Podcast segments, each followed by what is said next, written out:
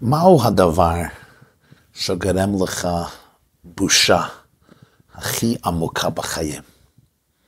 איזה דבר, אם היית יכול לכתוב על רשימה דברים שהיית רוצה ממש להיפטר מהם בהיסטוריה שלך, בתוך הגוף והמוח שלך, איזה אירועים, איזה דברים, איזה חוויות בחיים שלכם הייתם מעלים על רשימה זו.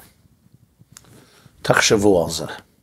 שאלה שנייה, התלמוד במסכת סנהדרין, דף צדיק ח', מכנה את משיח בשם מצורע, חברה דבי רבי. למה? משיח במחשבת היהדות, באמונת היהדות, הוא גואלם של ישראל, מושיעם של ישראל. זה שיביא את העם ואת כל העולם כולו לאחדות והרמוניה מלאה. באותו הזמן כותב הרמב"ם, לא יהיה שם לא רעב, לא מלחמה, לא קינה, לא תחרות. הטובה תהיה מושפעת הרבה, וכל המעדנים מצויים כעפר, ולא יהיה עסק כל העולם אלא לדעת את השם בלבד. זה לשון הרמב"ם בסוף ספר יד החזקה, כפי שהנביא ישעיהו, הנביא אומר בפרק י"א, וגר זאב עם כבש, לא יראו ולא ישחיתו בכל הר קשי, כי מלא הארץ דיה את השם כמים ליום החסה. למה זה שיכניס את הקוסמוס ואת כדור הארץ לתוך תקופה מאושרת זו נקרא מצרה? מהי משמעות הדברים? בוא נלמוד ביחד סיפור נפלא מאוד בתנ"ך. זה הפרק השישי והשביעי של מלכים, ספר מלכים ב', וחלק גדול מזה הוא ההפטרה לפרשת מצורע. זה הסיפור המרתק על ארבעת המצורעים. הסיפור הזה מתרחש בתקופת בית ראשון, כאשר צבא מלכות ארם, ארם הייתה אימפריה מאוד חזקה בתקופת בית ראשון, זה במקום של סוריה היום, סיריה היום, וצבא של ארם יוצר מצור על שומרון. המצור הייתה האסטרטגיה החזקה מאוד במלחמות של זמן, ה... במלחמות של ימים קדמונים. זה דומה למצור ימי של ימינו.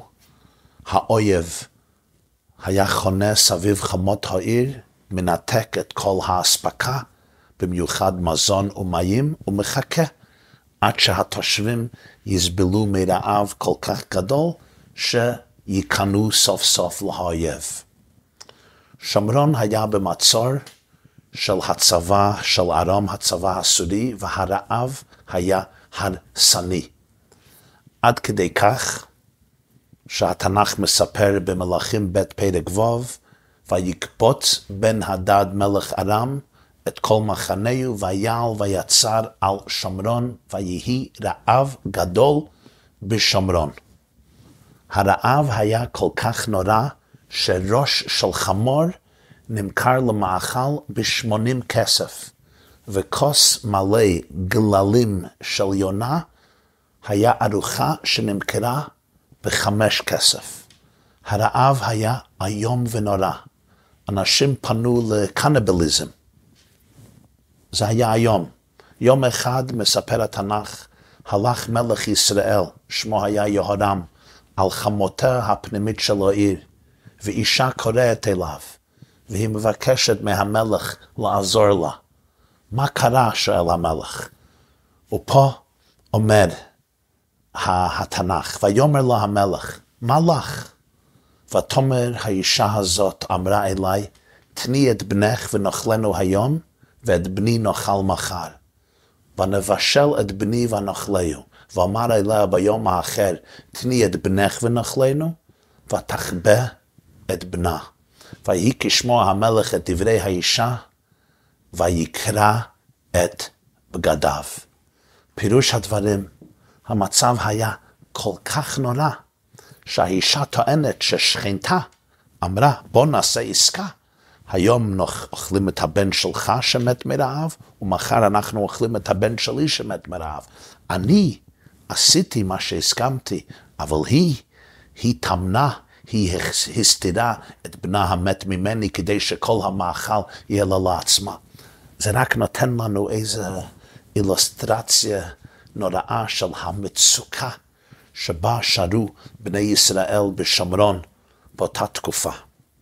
יהורם מלך ישראל האשים את הנביא היהודי הגדול אלישע, תלמידו של אליהו הנביא, שהוא אשם בכל הצרות והוא הוציא נגדו צו מוות. הוא הלך בעקבות חייליו למגוריו של אלישע כדי להוציא אותו להרג. אבל במקום להרוג אותו עמד המלך מול נבואה מאלישע, והנבואה הזה הבטיחה שביום המחרת עם ישראל יקבל ישועה.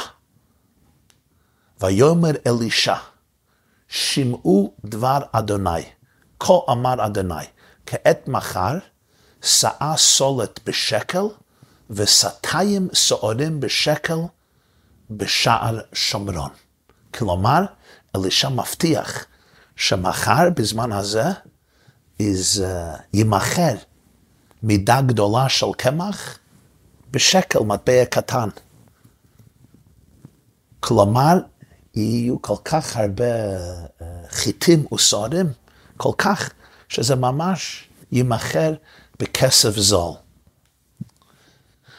היה משרת להמלך, הקצין של המלך, ויען השליש ויאמר, הנה השם עושה ערובות בשמיים, היהיה הדבר הזה? אפילו אם ירד גשם אינסופי משמיים, זה לא ייתכן. אז אלישע אומר לו, ויאמר הנך רואה בעיניך ומשם לא תאכל. אתה תראה את העובדות, אבל אתה, אתה לא תהנה מהאכילה. בנקודה, בנקודה זו עובר הנרטיב ממה שקורה בתוך חומות העיר לסצנה שקורה מחוץ לחומות העיר. וכאן מתחיל הסיפור הידוע, וארבעה אנשים היו מצורעים פתח השער. יש ארבעה יהודים שהם מצורעים, לפי חז"ל זה היה גיחזי, המשרת של אלישע ושלושת בניו, שארבע מהם קיבלו את המכה של צרת. הם מורבים, וגם כמו כל המצורעים הם נמצאים בדד. בדד ישב מחוץ למחנה משבו, הם נמצאים בהסגר מחוץ לעיר. כל המצורעים הוכנסו להסגר והם יצאו מתוך העיר, הם גרו מחוץ לעיר. אומר התנ"ך, ויאמרו איש אל רעהו, מה אנחנו יושבים פה עד מתנו? מה עליהם לעשות עכשיו? בשלב זה יש להם שלוש אפשרויות. אפשרויות אחת, הם יכולים להיכנס חזרה לעיר שהכניסה אותם להסגר, ששלחה אותם מחוץ למחנה, אבל מה הטעם? איזה נימוק, אין אוכל בתוך העיר, אז כמו שהם רעבים מחוץ לעיר, כך הם ירעבו בתוך העיר. יכולים לעשות משהו שונה, הם יכולים לצעוד קדימה למקום שבו חונה הצבא הסורי, הכנה של הצבא של מלכות ארם, להם יש הרבה אוכל, אבל הם עלולים להיהרג, כי, שני, כי הם צורעים והם גם מן מחנה האויב, הם יהודים, הם מבני עם ישראל, אז ודאי שיחסלו אותם. אפשריות שלישית, יכולים לשבת במקום אחד, מחוץ לחמות העיר, אבל מה התועלת? הם ימותו שם מרעב. אז מתוך המצוקה העמוקה הזאת, הם אומרים אחד לשני, מה אנחנו יושבים פה עד מתנו? אם אמרנו נבוא העיר והרב בעיר ומתנו שם, אם אנחנו יושבים פה, אז אנחנו מתים פה. לכו ונפלא אל מחנה ארם. אם יחיונו, נחיה, אם ימותונו ומתנו. אין לנו אפשריות שונה. פה יש מוות ודאית מרעב. בתוך העיר של עם בשומרון, אנחנו מתים עליו. בואו נלך לאויב. או שהם הורגים אותנו, הם הורגים אותנו. או אולי הם לא יהרגו אותנו, אולי זה נקרא ריסק, כן? זה ספק, נעשה מה שאנחנו יכולים לעשות. מה קורה? ארבעת המצרים האלה בוחרים לקום ולצעוד ישירות למחנה הצבא של הסורי, מלכות ארם. ובשעות הערב באמת הם צועדים לעבר המחנה הסורי, ואז קורה משהו יוצא דופן. ככה התנ"ך מתאר את זה. ויקומו בנשף לבוא על מחנה ארם, ומה פתאום, מה קורה? ויבואו עד קצה מחנה ארם, והנה אין שם איש. מה קורה? החיילים של מלכות ארם דמיינו שהם אה, נכנסו לאיזה דמיון, איזה דמיון uh, שלט עליהם, והם דימו לעצמם שהם שומעים רעש של מרכבות גדולות ועצומות. כל החבטות של מאות פרסות סוסים. הם היו משוכנעים שהם יכולים לשמוע את התנגשותם של אלפי חרבות, חלוץ של צבא אויב במתקפה. והצבא הסורי נבהל, ומה הם עשו? הצבא נטש את מחנו. והצבא השאיר מאחוריו את האוהלים, את השריון, את הכלי זיין, את הסוסים, את המרכבות ואת כל מזונם. על פי תפיסתם, על פי, על פי דמיונות שלהם, חלומות שלהם, הם דימו שהיהודים שכרו את הצבאות המצרים והחיטים כדי לתקוף אותם, ולכן הם ברחו על נפשם. כך התנ"ך מתאר את זה. השם השמיע את מחנה ארם, כל רכב, כל סוס, כל חייל גדול, והם אומרים, הנה שכר עלינו מלך ישראל, את מלכי החיתים את מלכי מצרים לבוא עלינו, ויקומו וינוסו בנשף, ויעזו את אוהליהם, את סוסיהם, את חמוריהם, המחנה כאשר היא, וינוסו על נפשם. ויבואו המצרים האלה עד קצה המחנה, ויבואו על אוהל אחד. ויאכלו וישתו, ויישאו משם כסף וזהב ובגדים, וילכו ויטמינו, וישובו ויבואו על אוהל אחר, ויישאו משם וילכו ויטמינו. וואו, איזה אוצר הם גילו.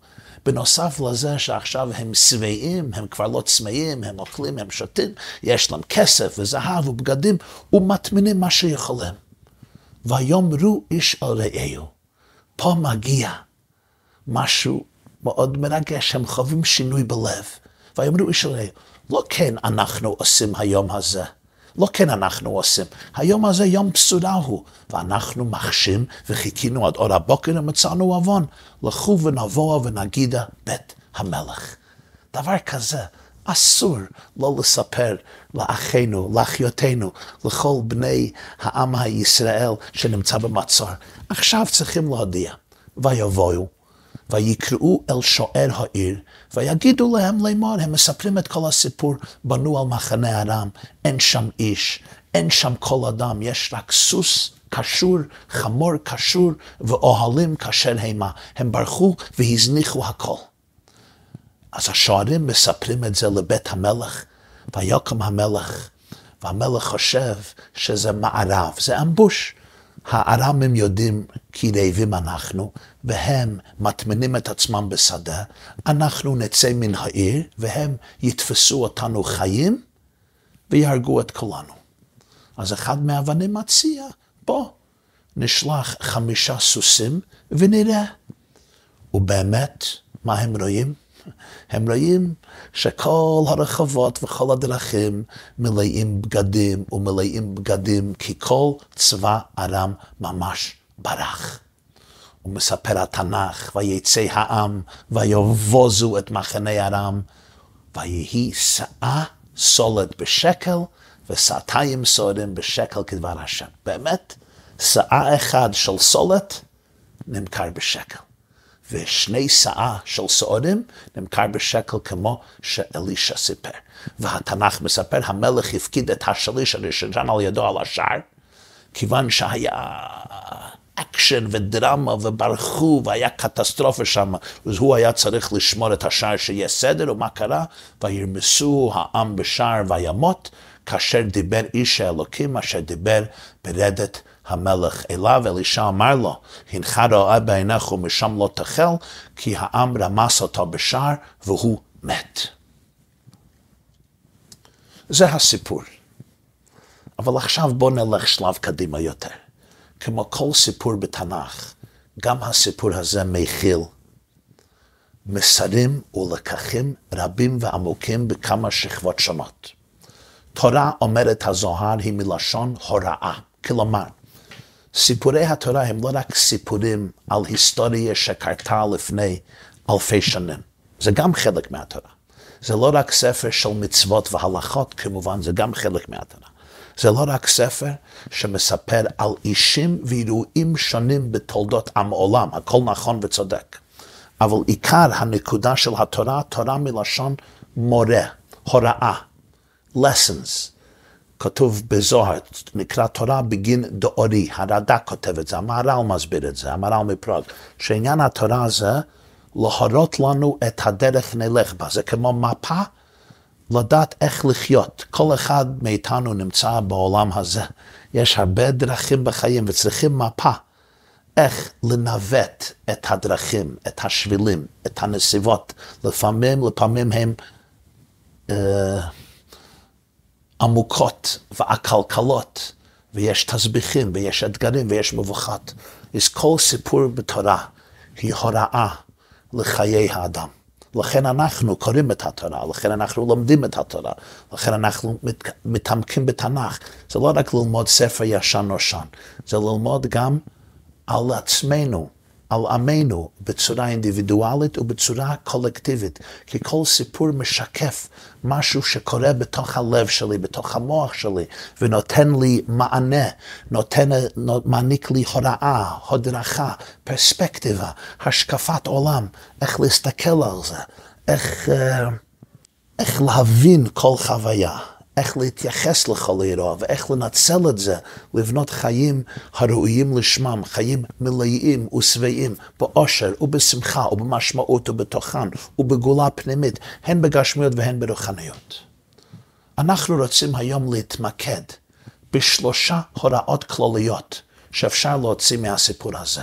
נקודה אחת, לפעמים אנחנו מרגישים תקועים בחיים, כן? אנחנו מוצאים את עצמנו זה נקרא סטוק, אני תקוע. כל האפשרויות נראות עגומות. אם אני הולך פה, יש בעיה, אני הולך פה, יש בעיה גדולה יותר, אני הולך למקום הזה, יש קטסטרופה. הדבר הגרוע ביותר לעשות במצב הזה, הוא להישאר במקום אחד. אתה חייב לעמוד ולנוע, אתה חייב לעשות שינוי. תעשה משהו, כל דבר, מה שיהיה, אבל תתקדם. לפעמים אנחנו חושבים שכל מה שאנחנו עושים, אנחנו מכניסים את עצמנו לאסון. אז מה האלטרנטיבה? שיתוק מוחלט, פרליסיס, פרליז. אני לא זז. התנ"ך מספר לנו לא ככה. ארבעת המצרים האלה היו בדילמה כזו, לא היה אפשריות. להיות שם לא הייתה אפשריות. להיכנס לעיר, קטסטרופה. להיכנס לצבא, קטסטרופה עוד יותר גדולה. אבל עצם הצעד, עצם המוכנות ליצור איזה שינוי יכול לשנות את המציאות שלך, ואתה עלול לגלות תוצאה בלתי צפויה שיכולה ממש לשנות את כל המצב שלך. לפעמים אתה מרגיש תקוע בעסק שלך, בזוגיות שלך, במצב הפסיכולוגי האישי שלך, או כל מצב אחר בחיים שמשתק אותך. הדבר הכי גרוע שאני או אתה יכולים לעשות זה להישאר במקום אחד ולחכות. לחכות למה? לחכות אני לא יודע. תזוז, תעשה שינוי, משהו. ילכו מחיל אל חיל, צריך להיות איזה שינוי. תדבר עם מישהו, תפתח את הלב למישהו, כן? שנה את לוח הזמנים, תתחיל לעשות משהו חדש, איזה שינוי בחיים שלך. פתח את עצמך לסוגים חדשים של פרויקטים, לאנשים חדשים, לחוויות חדשות. תתחיל ללמוד תורה כל יום, תעשה חברותה חדשה. אה, תלך לטיפול עם מישהו, תתחיל לעשות התעמלות, תלך למכון כושר, תצטרף לאיזה, לאיזה פרויקט פרודקטיבי, תתחיל לעזור למישהו. תשנה משהו בחיים, תוסיף משהו בחיים. שתף מישהו אחר במשהו שמעיק עליך, במה שמביש אותך. מה שתבחרו, אבל שזה יהיה חדש, מאתגר, שונה. כאשר אנחנו משנים את הדפוסים המוכרים שלנו, אנחנו פותחים neural pathways, מסלולים חדשים במוח שלנו, אנחנו מייצרים אנרגיה חדשה סביבנו, וזה יכול ליצור הזדמנויות בלתי נתפסות קודם לכן. זה לא קל, כי, כי ה, המסלולים הישנים אומרים, אתה תקוע, תישאר תקוע לעולם ועד, אבל זה לא ככה. תעשה משהו, תעשה משהו מהפכה, ולא תישאר במקום הזה. תפתח את הלב, תפתוח את המוח, תפגוש בני אדם, תבקש עזר, תלך למקום שלא הכרת קודם, אבל תעשה משהו. יש כאן עוד מסר חיוני. לעתים קרובות אנחנו חוששים ליזום פרויקטים חדשים, לבצע משימות חדשות, לבקש עזרה ממישהו, לפתוח את הלב למישהו, לעשות משהו שאני לא רגיל לו. זה נראה דרמטי, זה נראה דרסטי, כי אני מפחד מה תהיה התגובה. אם אני צועד קדימה, אני עלול לחוות דחייה. דקירה, אני כבר קיבלתי דקירה בימי הילדות, אני כבר לא יכול לסבול את זה, מוטב לשתוק, לא לעשות שום דבר. כי זה לא הרגש טוב לקבל דחייה עוד הפעם, זה נקרא rejection אצלנו. ואם אני מטבעי רך ורגיש, לשמוע לא מרגיש מאוד הרסני ומסוכן. יש אלה שאף פעם לא יגשימו את החלומות שלהם. למה? כי הם מפחדים כל כך מהפידבק. אם אני לא עושה כלום, לאף אחד לא תהיינה טענות, לאף אחד לא תהיינה תלונות. אם אני עושה משהו, אוי ואבוי. המצורעים האלה דמיינו שצבא שלם ממתין לתקוף אותם, אבל כשהם התקדמו, הם הבינו שאין שם אף אחד לתקוף. כל התקפה הייתה במוח שלי, בדמיונות שלי. כשאתה עושה את הדבר הנכון, כשאתה עובד את הקדוש ברוך הוא, כשאתה עושה, אתה מבצע את השליחות של האלוקים בשבילך, אל תדאג כל כך על התגובה של אחרים. תצעד קדימה, ואולי אף תגלה שאין שום התנגדות. שמעתי פעם מיהודי פיקח, הוא אמר לי, מה ההבדל בין מישהו שהוא בן 20, בן 40 ובן 60? אז הוא אמר, זה שהוא בן 20, הוא מודע מאוד לעצמו, חושב כל היום על מקומו בעולם. מי אני, מי לא אני, לאיזה קבוצה אני משתייך, לאיזה קבוצה אני משתייך, איזה שידוך אני אקבל, איזה שידוך אני לקבל, איך אנשים יסתכלו עליי. הוא מאוד חושב איך הוא נראה פיזית, איך הוא נראה רגשית, איך הוא נראה מבחינה חברתית. מאוד מאוד יש לו self-consciousness, מודעות עצמית איך לראות, איך לא לראות. אני דואג לעשות רושם טוב, אני רוצה להיתפס כאיש צעיר, מקסים, יפה תואר, מדהים וכולי. אני רגיש לאופן שבו אנשים יראו אותי. מגיע בן אדם לבן, לגיל 40 ומצהיר, לא אכפת. אכפת לי מה אתה חושב אליי, לא אכפת לי איך שאתה מסתכל עליי, אני חייב להיות נאמן לעצמי. אתה מחבב אותי? טוב. אתה לא אוהב אותי? זה גם בסדר, אתה יכול לקפוץ מהגשר. הוא אומר לי, כשאתה בן 60, אתה מבין שאף אחד לא יסתכל עליך מעולם. אני עוד לא בן 60, אז אני לא חווה את זה. אבל זו הנקודה שאנחנו כל כך מפחדים, מה תהיה התגובה. ובגלל זה אנשים ממש הורסים את הפוטנציאל, לא מגשימים את החלומות. אבל יש עוד מסר מאוד עמוק בכל הנרטיב הזה. הבשורה הגדולה של הגאולה בשומרון הגיעה מארבעת המצרעים האלה. מחלת הצרת הייתה מהמחלות הכי הדרמטיות של ימי קדם. המצורעים היו המנודים של החברה. פחדו מהם, הסתכלו עליהם כמו מצורעים. לא רצו להסתכל, לא רצו להיות בקרבתם. הם הוכנסו להסגר, בדד ישב, הם בודדו, הם נדחו מחוץ למחנה, הם חיו לבד בפאתי העיר, בנפרד משאר הציוויליזציה. עם זאת, ספר ויקרא מקדיש להם שתי פרשיות שלמות, פרשת תזריע, פרשת מצורע, לסימפטומים שלהם, לגורלם, לתהליך הריפוי שלהם, לחזרתם לחברה, וזה מוזר. רוב הדינים שם, בפרשת זה לא שייכים, לא רלוונטיות היום. כבר שנים, מאות שנים, מזמן הבית שאין לנו הסימפטומים של צרעת המבוארים בתורה. יש skin disease, יש מחלות עור, אבל הסימפטומים שונים. הלכות שלמות בתורה, כמו הלכות שבת, מרומזות בכמה פסוקים, בכמה מילים.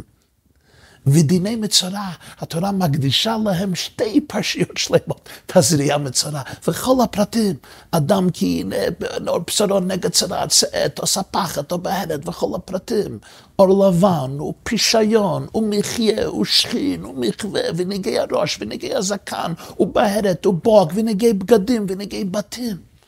למה? אחת מהתשובות נמצאת בסיפור ארבעת המצורעים. לכל אחד לנו יש מצרה בפנים. המימד הזה של עצמנו שגורם לנו להרגיש מבודדים, מכוערים ולא ראויים. האם אין בי ואין בך הנקודה הזו ששם אני מרגיש כמו המצרה? אני לא שייך לחברה. בדד ישב מחוץ למחנה במושבו. זה מצב של בדידות. זה מצב של חלל מאוד מאוד פרטי שלי. A void, זה מצב של חלחלה ופחד. לא רק מחלה פיזית, יכול להיות מחלה נפשית, mental illness, יכול להיות anxiety, דיכאון, מלונכליה, depression. יכול להיות משהו אחר בחיים שלי, בהיסטוריה שלי, משהו שקרה אליי, התעללות פיזית, מינית, גשמית, רוחנית, פסיכולוגית, רגשית, או משהו לא דרמטי, אבל מ... לאחרי הרבה שנים ואני מרגיש איזו בדידות בתוך עצמי. זה גורם לי להרגיש שאני, שאני מצורע, I'm a leper. אני שונה, אני מכוער, פיזי, פסיכולוגי, רגשי, רוחני, אני ממש לא ראוי. המסר המהפכני של הסיפור הזה במלאכים הוא שלפעמים החדשות, הבשורה הגדולה של הישועה הגדולה, מגיע מאיפה? מארבעת המצורעים מחוץ לעיר.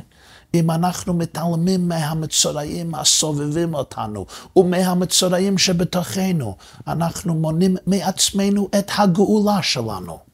אם אנחנו לא מודעים, אם אנחנו לא מחבקים את המצורע שבתוכנו, אנו מונעים מעצמנו את השחרור שלנו. מה פירוש הדברים? דווקא האלמנטים של האישיות שלך ושלי, שבהם אני הכי מתבייש, בהם אתה הכי מתבייש, עשויים לספק לך את התובנות הנוקבת ביותר על החיים שלך ועל השליחות שלך. אם יהיה, אם רק יהיה לי ולך האומץ לחשוף את הפנים האלה בחיינו, לגלות מה שקורה מתחת לשטיח, לחפור לעומק התסביכים והאתגרים הנוקבים. אם אתה עובד עם החלקים האלה של עצמך, אם אתה מסתכל בהם בעיניים, אם אתה מכיר בהם בכנות ובבגויות מלאה, full vulnerability, אם תשתף אותם עם אחרים שאתה סומך עליהם, ואתה מאמין להם, ואתה בוטח בהם, אתה עשוי לגלות. כיצד האלמנטים האלה בחיינו שאתה הכי מתבייש בהם, מהווים קרש קפיצה להשליחות הגדולה שלך, ליעד שלך, לחזון שלך, למוסר שלך. לחיים המלאים שלך. הם יגרמו, יגרמו לך גאולה, צמיחה רגשית, צמיחה פיזית, כלכלית ורוחנית. המצורע שבך, יש בו הכוח לשחרר אותך לחפשי. וזה אחת מהיסודות. באמרה התלמודית המביכה, סנהדרין דף צדק ח', מה שמו של משיח? חברה דבי רבי שמו, המצורע של בית רבי. מדוע אנחנו נותנים למלך המשיח זה שיגאל את העם, את העם ואת העולם? תואר. מכוער זה. כי זה שמבייש אותך ביותר, עשוי להחזיק את המפתח לגאולתך. לגאולתך הפרטית וגאולתנו הכללית. הניצוץ של משיח שנמצא בתוך הלב שלך, כמו שכותב המויר עיניים בפרשת חוקת רבי נוחם מצ'רנובל, שבכל יהודי יש ניצוץ משיח. הניצוץ הזה נמצא איפה? הוא נמצא תחת המצורע. הוא נקרא המצורע. המצורע שבתוכי, יש לו המפתח למשיח בי. אם רק תעזור אומץ, או תעזרי אומץ, לאמץ אותו, ולראות את האמיתיות שקבורה מתחת להנגע הזה. תראה המקומות הכי עמוקים והכי טהורים בחייך. מה שברחת ממנו יותר מהכל, מה שניסית לסגור ולהסגיר ולבודד, בדד ישב, החלק בתוכך שאמרת והבטחת לכל העולם ולעצמך, בדד ישב מחוץ למחנה מושבו, החלק הזה בתוכי, אף פעם אני לא אגלה, אף פעם אני לא אחשוף, אף פעם אני לא אחבק, החלק הזה נשאר קבור, נשאר מבודד, נשאר מסוגר. מה שאתה כל כך מתבייש בו, אני אומר לך, אומר התנ"ך, נושא את האור העמוק ביותר שלך. אתה צריך באומץ, ברחמים, בחמלה, באמפתיה, באהבה, בלי לדון.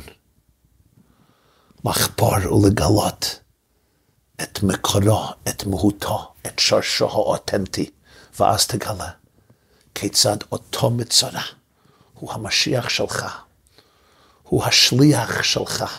להביא אותך למצב של אמנסיפיישן, אמנציפציה פסיכולוגית, פיזית, רגשית ורוחנית ונפשית. לכן מלך המשיח הכללי נקרא מצורע. איך המשיח ירפא, ירפא עולם מטורף שכזה, משוג נבלט? כי הוא יגלה שאנרגיית הריפוי הייתה תמיד שמה. פשוט אנחנו קראנו לא נכון את המפה. המפה של עצמנו והמפה של אחרים. אנחנו מסתכלים על עצמנו ורואים את החולשות ורואים את הבושות, אבל האמת היא שהחולשות האלו והבושות האלו, בתוך תוך, תוך הפנימיות שלהם, הם מכסים משהו מאוד מאוד עמוק. הם מכסים את הגאולה שבתוכנו, ולכן אל תפחד משום חלק מעצמך, תחשוף את הכל, כי משמה מעומק החושך, יתרון האור מן החושך ויתרון החכמה מן הסכלות. המשיח הוא האומץ לקח את החושך ולראות שזה בעצם בשורה מכיל את הבשורה של האור הכי גדול בתוכי ובתוך העולם, אור הגאולה. תודה.